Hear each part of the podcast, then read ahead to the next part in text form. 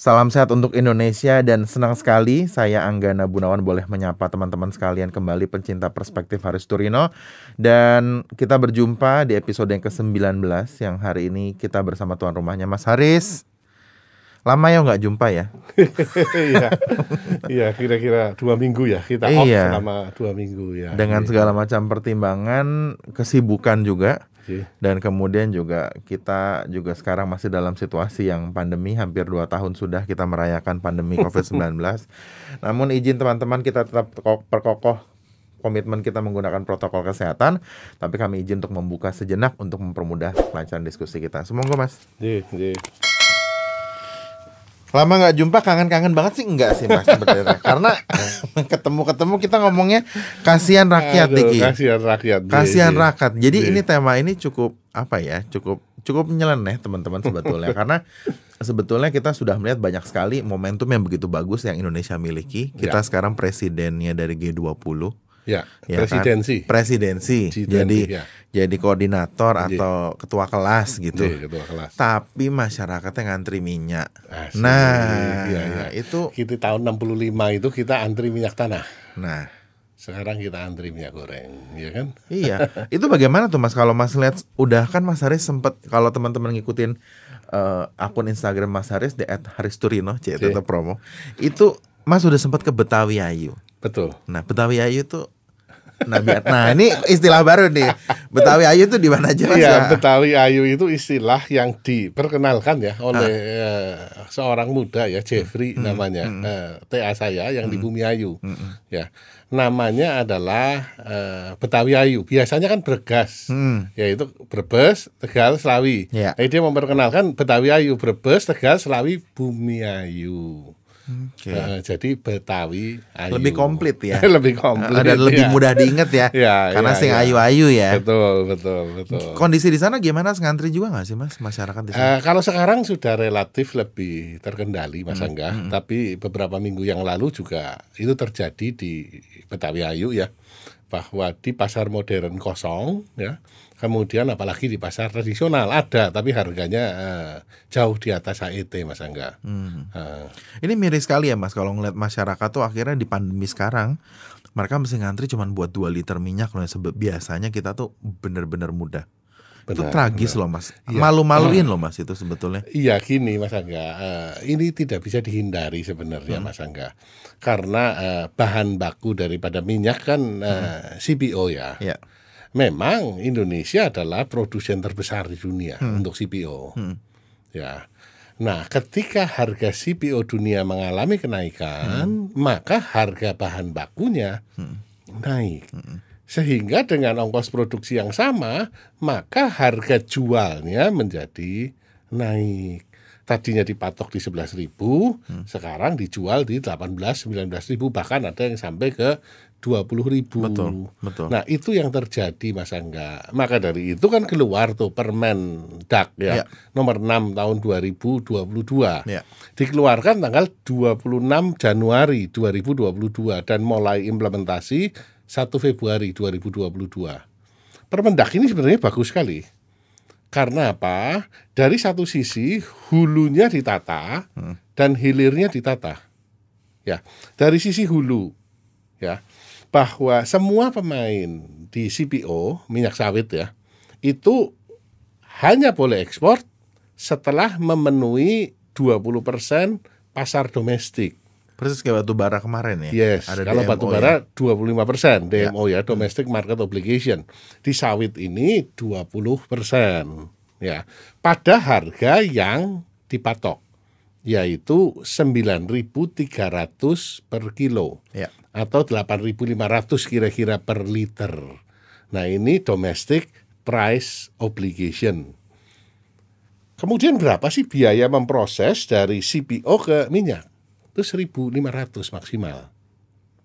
Sehingga kalau 8.500 ditambah 1.500 itu 10.000 rupiah sebenarnya. Modalnya. Modalnya. Sehingga masih ada ruangan, masih ada room untuk margin distributor, masih ada room untuk margin pedagang, dan seterusnya. Karena apa? Di hilirnya juga dipatok harga eceran tertingginya.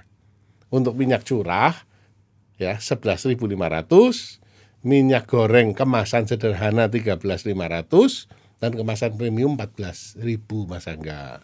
Berarti cukup komprehensif secara kebijakan ya, Mas. Betul. Tapi kita udah menjelang Nah, itu dia, Hari Mas Valentine udah lewat, Mas. Asik. Halo kasih sayang, ngaduinnya minyak, Mas. Minyak, Karena eh, karena makin mahal coklatnya. Betul, betul. Gara-gara minyak. Nah, ini belum kerasa, Mas. Apa Iya. Mas masih punya optimisme Gini, nih sebetulnya? rantai pasoknya memang kan eh, mengelola rantai pasok kan tidak mudah. Ketika kebijakan ini diterapkan, ya ada beberapa distributor dan pedagang yang sebelumnya sudah membeli pada harga mahal. Lalu harus dijual misalkan dia beli pada harga 17.000 Hmm. Kemudian apakah dia harus jual pada harga 14.000 Siapa yang menanggung kerugian? Ini menjadi satu isu. Katanya waktu itu mau disuruh ekspor katanya tuh minyak goreng yang harganya udah kadung mahal itu. Iya. Nah, apalagi kita tahu ya, kita tahu terjadi panic buying. Nah, orang beli eh, biasanya 2 liter, sekarang dia beli eh, 6 liter, 8 liter. Karena takut nantinya tidak ada minyak kebagian. goreng. Ya minyak goreng kan bagian integral ya dari kehidupan masyarakat Indonesia. Semua digoreng. Kalau nggak krenyes nggak enak, Mas. Nah, itu dia. Nasinya hambar, Mas. Kalau ada Jadi, minyaknya. tentu demand-nya naik ya. Eh, sementara eh, supply-nya masih ada gangguan. Nah, untuk memperbaiki ini Mas Angga tentu butuh waktu. dua sampai eh, empat minggu. Ya. Dan kita tahu bahwa eh, penanganannya berawal dari pasar modern. Pasar modern lebih mudah untuk dikendalikan Ya, karena tercatat semuanya. tercatat dan segala macam. Lembaganya formal, Ya, betul. Nah, jadi kalau sekarang sudah mulai lebih eh, terkendali. Paling tidak harga sudah masuk ke HET 14.000. Ya, Walaupun jumlahnya masih terbatas. betul. Sehingga pembeliannya dibatasin Mas Angga. Ya. Ya, di Tegal ada supermarket yang menerapkan kalau beli ya, tangannya dicolok tinta. Oke, pemilu ya. Kayak pemilu. Tapi gini sih Mas sebetulnya. Eh, saya sebetulnya jadi agak sedikit emosi sendiri gitu tuh ngajuin topiknya karena saya sendiri ngerasain sebetulnya. Maksud saya daya beli saya nggak buruk-buruk banget. ya. Tapi memang ketika kita secara psikologis rasa udah nggak nggak masuk akal gitu beli minyak 2 liter 45 ribu sempat 46 Ya. bahkan sampai seperti itu. Ya. Terus kemudian barangnya pun nggak ada, Yes. sudah mahal pun Yes. tidak ada gitu loh Yes. mas. Jadi itu kan aneh kan, tidak ada Yes. di di loka pasar, di online online market semua ada. Saya merasa gini loh, boleh nggak sih masyarakat saking keselnya Ya, gitu. ha. Teman saya jualan tahu pun Ha. itu juga stresnya minta ampun karena nggak bisa nggak bisa Ya. yang sekali gelontorin 6 liter 8 liter Ya, ya. nggak ada barangnya nggak bisa nyari duit. Betul. Singkatnya mas, boleh nggak masyarakat ngomong tuh menterinya gagal nih mas. Nah, nah, boleh dong. Iya, iya, kita rakyat iya, kita bayar pajak loh mas bilang tuh. Asik, Belain ya mas ya kalau saya tiba-tiba di take down channelnya nih sama gagal loh sebetulnya. Maksudnya kasarnya gini. Gini. ya. Aku potong dulu Ya. maaf mas. Masalahnya banyak banget. Ntar bisa kita kembangin ya. Dari masalah batu bara kemarin agak ribet. Terus minyak goreng, Hmm. Ya. kedelai tempe. Kedelai Nah, kita tempe. ngomong tahu. yes, nanti kita masuk ke kedelai tempe. Iya. Jadi gini ya, saya kan eh, sebelum menjadi anggota DPR, saya ini kan eh, pengusaha. Hmm. Nah, pengusaha itu memang kan eh, rent seeking. Ketika ada peluang, berusaha juga untuk mencari keuntungan yang sebanyak-banyaknya. Nah, melihat seperti ini, ya ada peluang, keuntungan. Jadi semua kepingin mendapatkan eh, keuntungan. Nah, gagal dalam arti eh, implementasinya jelek. Hmm. Memang implementasinya jelek. Padahal kalau implementasinya kenceng, Hmm. ya, dengan melibatkan aparat penegak hukum, Ya. selesai itu masalah. Kenapa saya katakan selesai? Kita tahu produksi CPO Indonesia 50 juta ton. Sementara kebutuhan minyak goreng hanya 5,7 juta ton. Jauh sekali, mestinya, su- Iya. mestinya cukup dong Cukup. logikanya. Ya, kalau dari 50 juta ton produksi, ya, bahwa 20 persennya adalah untuk kebutuhan minyak Domestik. goreng domestik, Iya. itu 10 juta ton. Masih cukup mas. Nah, maka dari mas, itu, 40 juta ton nah, surplusnya. Iya, tinggal bahwa kebijakan di hulu itu, Hmm. bahwa kewajiban 20 persen ini benar-benar dijalankan. Ya, untuk bisa menegakkan ini, Menteri Perdagangan tidak punya perangkat yang cukup. Libatkan aparat, aparat penegak hukum, supaya benar-benar bahwa Angga hanya boleh ekspor setelah memenuhi 20% kewajiban. Isu yang terjadi adalah surat ekspor clearance itu kadang-kadang bisa didapatkan Kan tanpa memenuhi kebutuhan domestik. Lah kan dari kementerian itu sendiri juga ekspor Nah, maka dari itu ini yang kudu ditata toh. Jadi implementasinya benar. Lu belum 20% tidak boleh ekspor. Dan para pemain besar ya, pabrikan, kebun sawit, pabrik kelapa sawit, pemain-pemain besar selama menterinya tegas, kamu tidak memenuhi, melanggar ini saya tutup pabriknya. Mereka tidak ada yang berani. Pasti tidak ada yang berani. Karena apa? Cuannya gede sekali di luar negeri. Mendingan ini saya penuhi ya Biar saya daripada saya ditutup. Ya. Harus ditutup kan habis Mas Angga. Borobo bocuan itu. Nah, maka dari itu eh, ini kata kuncinya tegas. Eh, jadi kalau Mas Angga ngomong gagal ya eh, ya ini menjadi Tadi tanya ya Mas ya di masa sidang berikutnya ya, ya. ya memang eh, salah satu tugas ya kalau kita lihat rincian dari tugas eh, Kementerian Perdagangan kan mengamankan pasok pada harga dan kualitas yang wajar yang bisa diterima oleh masyarakat. Sehingga kalau itu jadi patokan ya bisa dikatakan gagal. Tetapi kita lihat ya bahwa menata rantai pasok perlu waktu Mas Angga. Ya. Dan ini waktunya ya kita kasih waktu lah. Karena mengecewakan ibu-ibu ya, saya kadang-kadang nggak bisa atau kelompok yang memang sangat terdampak gitu ya, ibu Ya. rumah tangga sebagai. Saya malas menggunakan terminologi emak-emak ya, karena Emak-emak. terlalu politis ya. Ya. Jadi kalau udah ngamuk itu ngeri loh mas. Bahkan kemarin Betul, saya betul. tuh gini loh, gemesnya sampai seorang menteri perdagangan tuh harus keliling ke pasar bawa mobil tangki minyak Ya, loh. ya itu Hanya operasi pasar. ya. Operasi pasar memastikan dia sendiri nungguin sampai minyaknya ngalir mas. itu kan ya benar juga ya berarti memang Ya, ya, ketegasan ya, ya. itu adalah kunci ya. Ya, ketegasan itu kunci. Tapi sekarang sudah mulai ditata. Ya, beberapa pedagang yang masih menahan, distributor besar yang masih menahan apa namanya Pasokan. eh, pasokan ya di gudangnya. Heeh. Ya, eh, saya dengar sudah mulai eh, dengan aparat dilibatkan. Ya, tinggal diundang toh. Ini apa maksudnya nih, oleh segini? Bareskrim Ah, katakan ya, kalau kamu masih nahan, ya melanggar nih Permendak. Hmm. Ya izinnya saya cabut. Paling tidak di remind seperti itu. Mikir lah ya. Iya, semua juga kepengen mendapatkan kesempatan untuk berusaha kan. Iya. Tidak perlulah ditangkap dulu, tidak perlu. Bicarakan saja. Tetapi ya dikumpulkan pemain-pemain besar tuh Dia- dia doang, itu iya. itu saja ya kan. Iya. Eh, tegakkan itu saja. Pasti beres kalau urusan minyak enggak ada isu Mas Angga. Jadi ini, Gampang. ini hanya masalah willingness aja ya. Willingness, ketegasan ya. Karena bahan bakunya di tangan kita. Ya. Walaupun kita sendiri ya, bukan price maker ya, price taker. Dan minyak ini komoditi Mas Angga. Ya. Ya, eh, menarik Mas Angga. Kenapa sih eh, CPO naik harganya? Sebenarnya salah satunya ulah kita. Harus diakui. Ulah kita dari B10 dinaikkan ke B30 Untuk bahan bakar minyak. untuk bahan bakar minyak itu perlu 10 juta ton tuh. Oh, jadi serapannya ada peralihan ya. Iya, ketika eh, makanan ya memang kan eh, pertarungan di dunia antara makanan dengan energi kan isunya seperti itu. Ya. Ketika digeser ke energi, ya maka akibatnya eh, ya pasokan makan kurang kan Iya, seperti itu. Lapar teriak. Lapar teriak. Tetapi kan ini kan dinikmati oleh pengusaha Indonesia. Harga yang tinggi ini dinikmati oleh pengusaha Indonesia.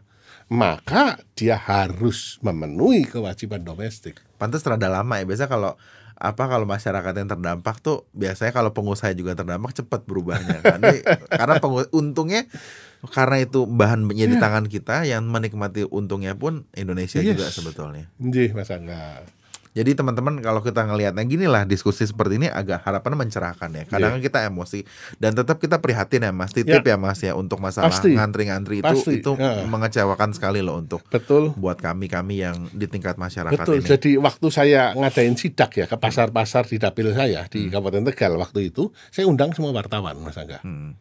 Dan temuan-temuan kami di lapangan langsung saya WA kepada Menteri Perdagangan. Responnya cukup bagus ya. Eh, dan saya minta eh, Pak Menteri tolong tugaskan kepada Dinas. dinas-dinas perdagangan di kabupaten untuk turun. Jangan cuma duduk di kantor, turun ke bawah, Ya. teliti temuan-temuan di lapangan dan segera laporkan dan ambil action.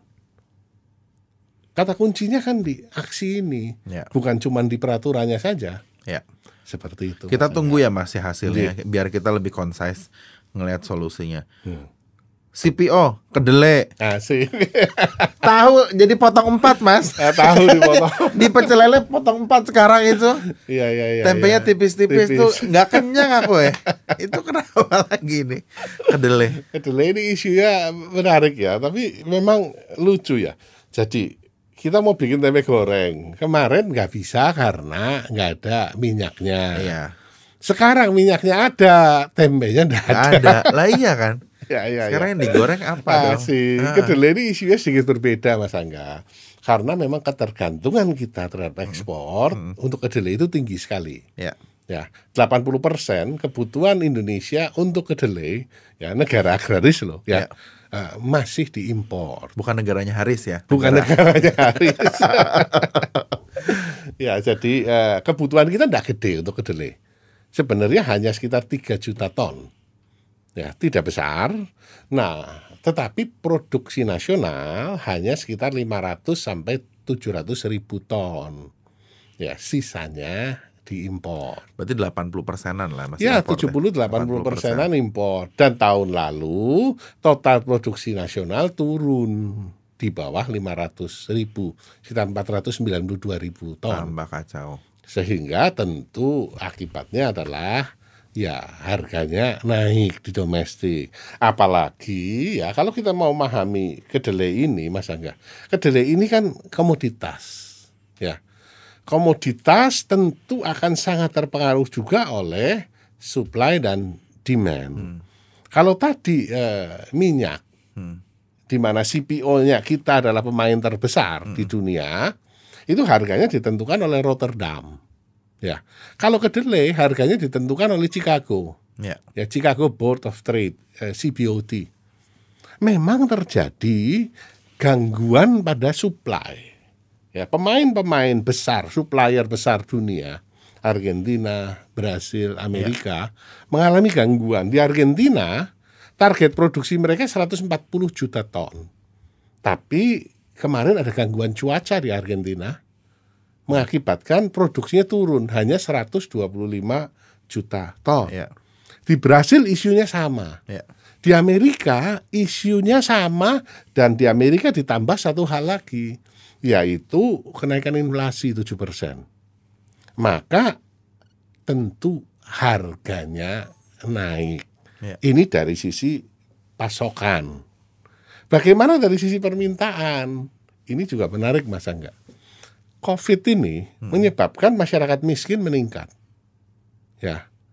Dan ketika masyarakat miskin meningkat, daya beli Ya. turun. Berarti pilihan protein yang Pilihan diambil proteinnya ke mana? Tempe dan tahu. mandok mas Aman dok. telur ya, ya. Ini di masyarakat bawah, masyarakat atas seperti Um Angga ya. Ini Yang fitnah ini ini fitnah ini ya mulai peduli ya kesehatan, peduli segala macam, cenderung mengurangi konsumsi daging. iya protein hawani Iya, dikurangin jadi masuk ke nabati juga. Hmm. Sehingga demandnya juga naik. Harus diakui demandnya naik. Akibatnya supply-nya terbatas, demandnya naik, ya harga naik. Karena memang benar Gitu. aku jujur nih bagian yang ini aku juga tercerahkan juga dari Hmm. diskusi ini karena sekarang kopi-kopi aja ya susunya pun Hmm. mulai mereka udah nabati dari protein nabatinya Iya, pilihannya dari gandum apa dari almond Iya. kedelai kedelai. Ya, memang ada pergeseran pola makan. Demandnya naik. Di Amerika sendiri, Mas Angga, itu sekarang tempe terkenal Mas Angga. Satu teman saya lulusan eh, UKSW ya, salah tiga, itu bikin tempe di Boston. Dan dia menjualnya nanti Mas Angga bisa cek Bos Tempe. Tempeh namanya. Bos tempe. Iya, itu insinyur elektro tuh, ahli IT. Sekarang jadi juragan di Boston. Nyolder kedele. Nyolder kedele. jualan tempe. Namanya Bos Tempe. Jadi beli tempe di Amerika bisa sekarang. Wah hebat juga ya. Berarti akhirnya sekarang karena secara pasokan, supply dan demandnya semua itu lagi berubah dalam Iya. satu situasi yang baru. Iya. Memang satu keniscayaan. Tapi sayangnya saat ini karena ketergantungan kita import kita tinggi. Ya, Terus gimana dong mas? ya itu dia. Jadi eh, Ini tarik ini. ini nggak apa-apa. Kecelakaan, Kecelakaan bukan disengaja. Bukan disengaja. tapi kita nggak panik seperti harga tempe. ya. Gimana mas? Iya, jadi eh, idealnya tentu eh, swasembada kan. Idealnya Saya potong. Itu janji Iya. presiden loh katanya. 2019 ya. Tiga tahun loh, Mas, Iya, katanya. dan eh, Bung Karno juga mengatakan kedaulatan pangan. Hmm. Ya. Tetapi kita lihat petanya Mas Angga, Hmm. ya. Bahwa kedelai ini sangat sensitif terhadap hama. Ini penting untuk dicatat. Hmm. Ya, sangat sensitif terhadap hama. Makanya sampai ada orang yang mengatakan bahwa kedelai tidak cocok di daerah tropis. Karena di daerah tropis hamanya lebih banyak. Macam-macam. Ya, sehingga akibatnya bisa ditanam di sini bisa. Produktivitasnya rendah. Satu hektar hanya menghasilkan sekitar 1,12 ton. Sedikit Ya. sekali. Sedikit sekali dibandingkan dengan di Amerika satu hektar dua setengah ton. Nah, tapi LIPI sudah meneliti persoalannya hanya pada skala laboratorium atau paling tidak pilot project. Katanya bisa 3 juta ton kata, katanya. Eh, Tiga ton maksud saya.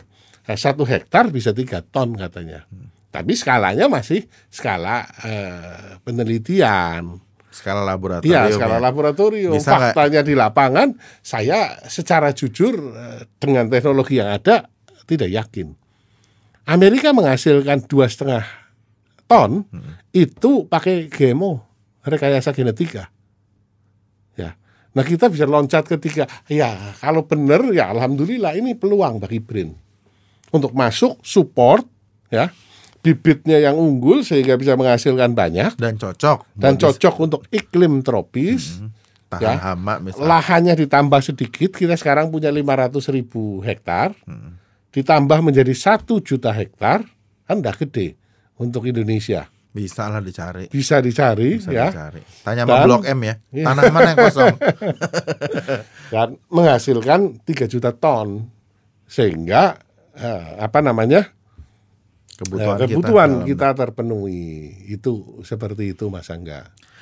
Jadi gini teman-teman, jadi hari ini kita ngomongnya masalah kasihan sama masyarakat karena banyakan ngantri atau nyari-nyari nggak ketemu. Dari Iya. mulai nyari minyak, kemarin pengusaha Ya. nyari batu bara, Ya, sekarang nyari tempe susah, bahkan sudah di demo tiga hari tanpa ada produksi. ya. Jadi kemarin tuh masih demo mas, waktu sebelum Masih, kita ya. syuting. Jadi sebagai kesimpulannya, Nah.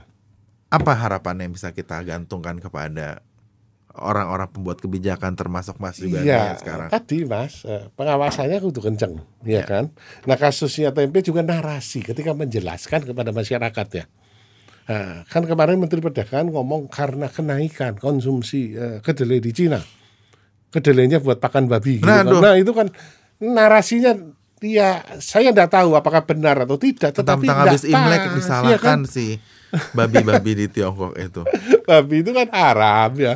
Sudah haram disalah-salahkan terus lagi. Apalagi kalau nanti tercipta ya. Orang Indonesia jangan makan tempe. Karena tempe makanan babi kan celaka itu. Ya. ya, kan? Eh, ya itulah. Jadi eh, narasi yang dipilih ya adalah bahwa ini produk komoditas ya. Supply dan demand ya dan yang butuh tempe kan bukan cuma Indonesia banyak negara lain juga butuh butuh kedelai maksudnya Ya. Nah ini kan menjadi eh, narasi yang jauh lebih bagus.